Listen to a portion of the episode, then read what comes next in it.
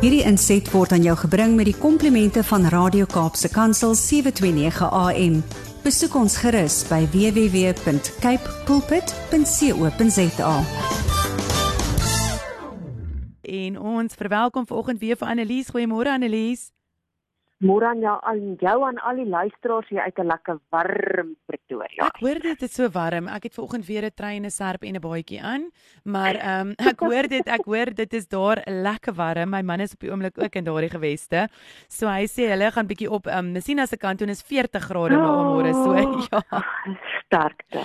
Ja. ja, dan kla ons nie. Nee, verseker. Annelies, ons het weer 'n interessante onderwerp vanoggend in ons gesels al die afgelope 3 weke so 'n bietjie oor dwelmhandel en ons gesels vanoggend oor um, dwelmhandel via slim selfone en of slimfone en me sosiale media en ons almal weet watter goedkoop metode dit is om boodskappe via Telegram en WhatsApp te stuur. Maar nou wonder ek in hierdie tyd waarin ons leef met verskillende kommunikasiemiddels soos 'n e-pos wat reeds deur kriminele misbruik word, gebeur dieselfde met hierdie boodskapdiens soos WhatsApp. Met ander woorde, gebruik kriminele dit dalk om hulle produkte te bemark. Ja, jy sal nie glo nie. Hulle het ook besluit hoekom moet hulle duur geld betaal vir allerlei ander advertensies as hulle dit kan gebruik. En dit was my interessant toe ek hierdie artikel gaan doen het. Toe kom ek op hierdie artikel af van wat verlede jaar in Dubai gebeur het waar die dwelmhandelaars WhatsApp boodskappe gebruik het om sommer net verskoon die Engelse woord randomly aan mense in Dubai te stuur om te sê as jy dalk lid het vir dwelms kontak ons. Ons kan dit vir jou voorsien. Nou kan jy dink jy kry jy die bloute uit 'n WhatsApp boodskap om vir jou te sê, het jy 'n bietjie lid vir kokaine of wil jy dit gebruik? Jy moet ons net kontak. Dis die bankbesonderhede bestuur. Stuur dit vir ons vir jou geldjies en ons laat jou weet waarmee jy dit kan afval en ek ek maak regtig nie 'n grap nie, dit het regtig gebeur. Nou daar was natuurlik 'n klomp ouens wat belang gestel het en nou is die volgende vraag maar hoe gaan ek dit nou in die hande kry want is hierdie nie dalk 'n scam nie, maar dit het toe gebeur gebeur dat die oomblik as hierdie dwelmhandelaars dan 'n bewys van betaling gekry het, het hulle dan die GPS koördinate vir die dwelmgebruiker gestuur en daai ou moet dit dan eers in 'n gat in die grond gaan uithaal het waar hy dit gekry het. Maar toe gelukkig het die polisie ook daarvan te hore gekom en toe het hulle gesê maar hulle wil ook darm nou hierdie ouens vastrek en dit hulle 'n veldtog geloods waarin hulle vir die publiek gesê het julle moet net hierdie hierdie boodskappe vir ons forward ons sal dit opvolg. En so het hulle dan op die ou einde dit reg gekry om minstens 600 wenke van die publiek af te te ontvang wat daartoe gelei het dat minstens 100 dwelmhandelaars gearresteer is wat met hierdie dwelmbemarkingsmetode geassosieer word. So ja, hierdie ouens gebruik verseker goedkoop maniere om dan hulle dwelms te bemark. Ja, genade, as ek so luister na die arrogansie van dwelmhandelaars om sommer boodskappe te stuur ten opsigte van dwelms, dit klink soos of jy pizza of iets wil hê, wat mense kan ja. koop. Wonder ek of hulle steeds net dwelms via die darknet bemark en of dit al op gewone internet ook beskikbaar dan is. Ja, want daar's ook hierdie persepsie wat ons het dat as jy dwelms of onwettige goederes wil hê, dan moet jy weet wat op die darknet aangaan en dan gaan jy dit daar kry. En dan het ook mense ook 'n persepsie dat alles wat op die internet beskikbaar is, wettig is want enige ou kan dit mos nou sien. Maar dit is verseker nie so nie. En ek dink nogal ek was geskok toe ek dit raak gelees het dat die eerste aanlyn dwelmtransaksie waarin dagga bestel is alreeds in die 1970s plaasgevind het tussen 'n klomp universiteitsstudente in Amerika wat gesê het, jy weet, hulle die een wou geweet het ek dink was by die Massachusetts Institute for Technology.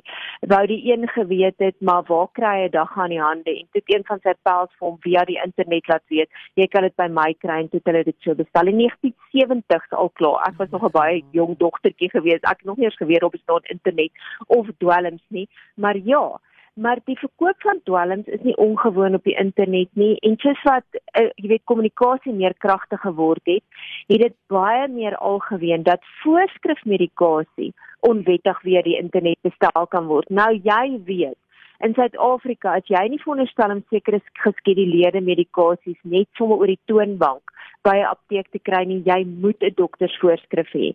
En baie ouens sê maar ek wil nie dokter toe gaan nie. Ek mag nie eintlik hierdie voorskrif medikasie hê nie. So ek gaan kyk of dit nie via iemand op die internet vir my beskikbaar gestel kan word nie en dit gebeur. Nou verlede jaar het die Verenigde Nasies aangekondig dat die uitbreiding van aanlyn dwelmprodukte na populêre e-handel en sosiale media platforms 'n bewys is dat dwelms se beskikbaarheid groter en groter word. En dit is absoluut skrikwekkend om te dink daai sosiale media platforms wat ons wel, kom ek sê nou nie almal nie, maar ek dink 95% van luisteraars en mense so vinnig besoek en so maklik besoek. Jy weet nou 'n ideale plek geword het waar hierdie dwelmhandelaars ook besluit, maar dis waar hulle hulle produkte kan begin bemark. En nou wie word verskriklik maklike teikens? Ons tieners. Mm. Want nou is dit die 'n kwessie van dwelmhandelaars hoef nie meer ouens op die straathoeke te gaan ontmoet waar jy nou moet weet, mm, daai 'n dwelmhandelaar en daar kan ek nou sekere produkte kry nie. Ek bestel dit nou via sosiale media of WhatsApp of wat ook al en so kan ek dit in die hande kry. En baie van hierdie voorskrifmedikasie word dikwels as sogenaamde research chemicals of custom um, uh, synthetics bemark wat beteken dat kliënte middele kan bestel wat nie op gewone plekke gelys word nie. En dit is niks anders as 'n kat en muis speletjies wat hierdie handelaars met wetstoepassers speel nie, omdat daar wel plekke is waar die farmaseutiese industrie sekere kieskemikalieë vir navorsing bestel, maar natuurlik sal dwelmhandelaars, jy weet, op 'n manier dit uitbuit en sê vir ander ouens, maar jy hoef nie navorsing te wees nie. Jy moet net maak of jy navorsing is en dan kan jy dit op 'n manier in die hande kry via ons.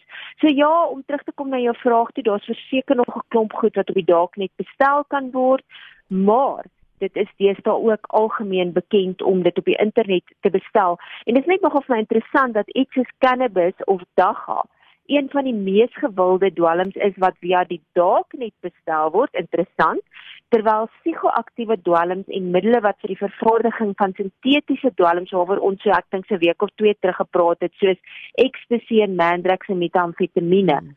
dikwels op die gewone internet wat ek en jy gebruik, meneer Google wat ons almal se lief word, lief is vir op een of ander manier. As jy weet waar, dan kan jy dit daar gaan bestel. Yes, ek Annelies, ek's nou baie nuuskierig oor hoe hoe sosiale media gebruik word om dwelms te bemark en of te bestel. Gebeur dit op 'n bekende sosiale media platform of meer onbekende platforms? Hoe maak hulle?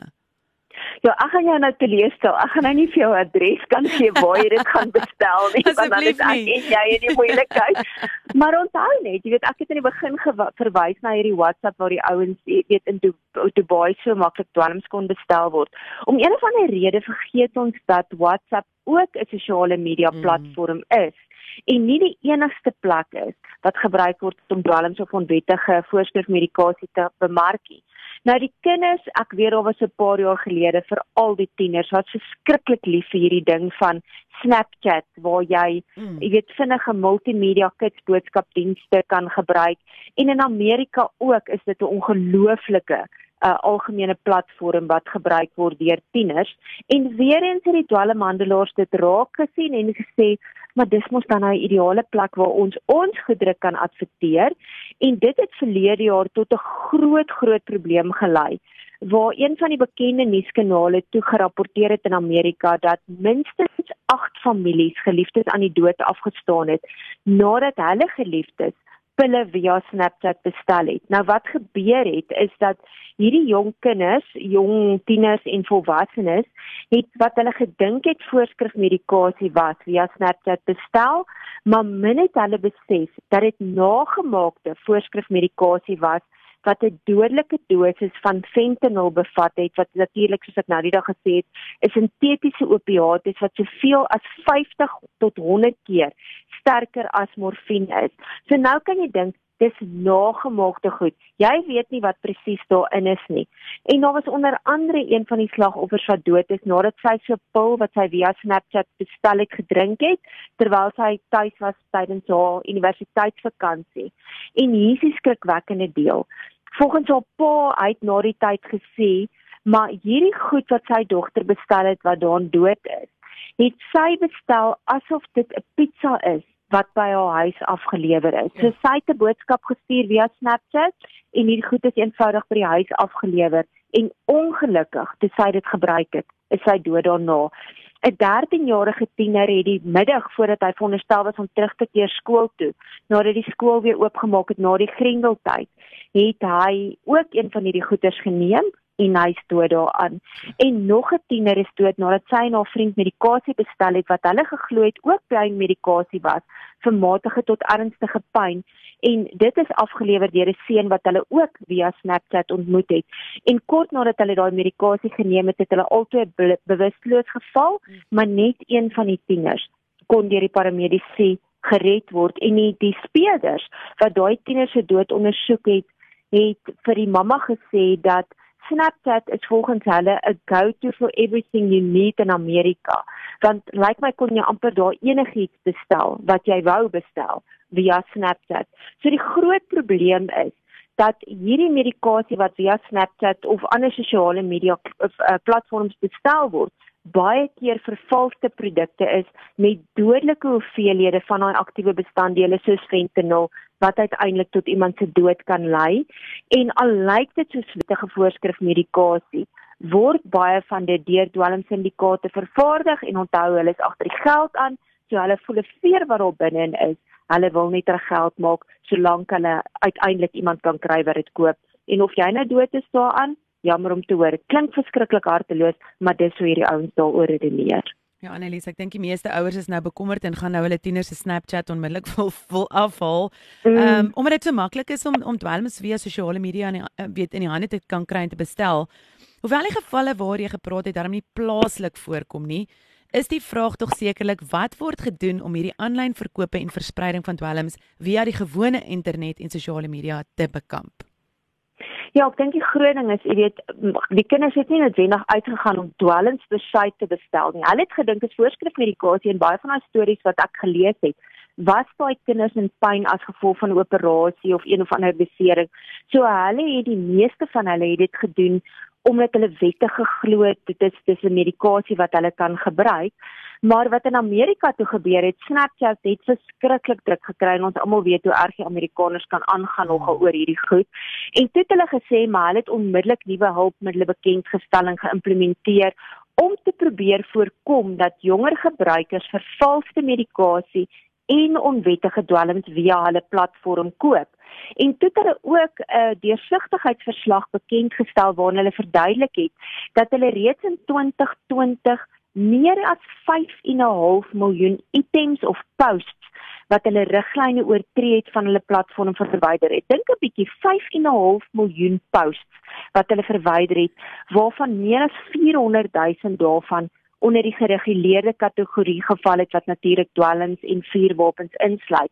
Nou Snapchat het ook gesê hulle wil onwettige dwelmverkope van hulle platform totaal en al verwyder en hulle het allerlei geld begin, jy weet, vir baie geld begin belê om meer proaktiewe opsporings en samewerking met wetstoepassers te doen sodat dwelmhandelaars maak nie saak of hulle nou voorskrifmedikasie of dwelms of wat hulle ook al probeer bemark het via Snapchat probeer jy weet van hulle platform af weggehou het nie. Maar nou kan ons ook sê, jy weet, is dit genoeg? Uh, want ek dit voel amper asof dit nie genoeg is nie. Nou Snapchat het verder gesê, hulle het ook artificial intelligence of dan nou kunsmatige intelligensie begin gebruik om dan hierdie goed te identifiseer en so het hulle dit reg gekry om minstens jy weet 2/3 van dwelmverwante aktiwiteite en inhoud vanaf hulle platforms te begin verwyder. Maar die vraag is nog steeds vir my en jou en vir die ouers vandag, wat word gedoen en wat doen ek om te doen? Nou Facebook sê, jy weet hulle dis teen hulle reëls om alle vervalste medikasie via Instagram of hulle platforms te verkoop en hulle gebruik ook tegnologie om sulke inhouds, hashtags en rekeninge te identifiseer en te verwyder En Snap wat die moedermaatskappy van Snapchat is, het sê hulle het begin om veldtogte te loods saam met 'n klomp NPO's in in Amerika om te sorg dat hierdie boodskappe, jy weet, uiteindelik vir mense kan of om minstens te sê moenie hierdie goed via ons platforms bestel nie want 'n vervalste medikasie of 'n vervalste pil wat jy via Snapchat bestel kan tot iemand se dood lei. Vir ouers is daai gesprekke die oomblik as jy jou kind toelaat om by enige sosiale media platform aan te sluit. is dit noodsaaklik dat jy hierdie gesprekke daaroor het. In die eerste instansie kyk na die ouderdomsbeperking. Die meeste ouderdomsbeperkings is 13 jaar, maar maak doodseker jy gaan lees dit, want anderste is jy besig om om ook jy weet die reëls te oortree as jy jou kind van 10 of 9 toelaat op hierdie platform. En dan moet jy jou kinders leer dat almal wat op hierdie goeders is, is nie engeltjies nie.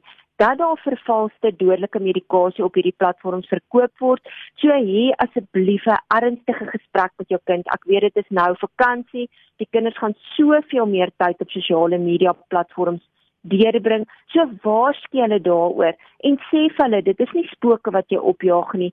Jy weet, dis realiteite hierdie goeters wat gebeur en dat jy vervalste medikasie kan bestel wat uiteindelik tot jou dood kan lei, soos wat met daai klomp tieners in Amerika gebeur het. Mm. So dit het daar gebeur, maar daar's geen waarborg dat dit nie in Suid-Afrika kan gebeur nie. Presies. Baie baie dankie Annelies. Ehm um, net so dalk 'n hulplyn waar waar die ouers na toe kan gaan, ehm um, as as hulle raad nodig het, as hulle iets wil rapporteer, wat is daai hulplyn? Die maklike nommer teen hierdie tyd wat almal behoort amper te ken is 0800 12 13 14 of 'n SMS kan gestuur word aan 323 12 dis natuurlik die hulp met verslawing nommer maar ek seker hulle kan vir jou ook ander raad gee dan narcotics anonymous 0861 00 6962 en vir die ouens wat met 'n 'n drankprobleem sukkel, dit is ook nie 'n skande om te vra te hulp daar nie.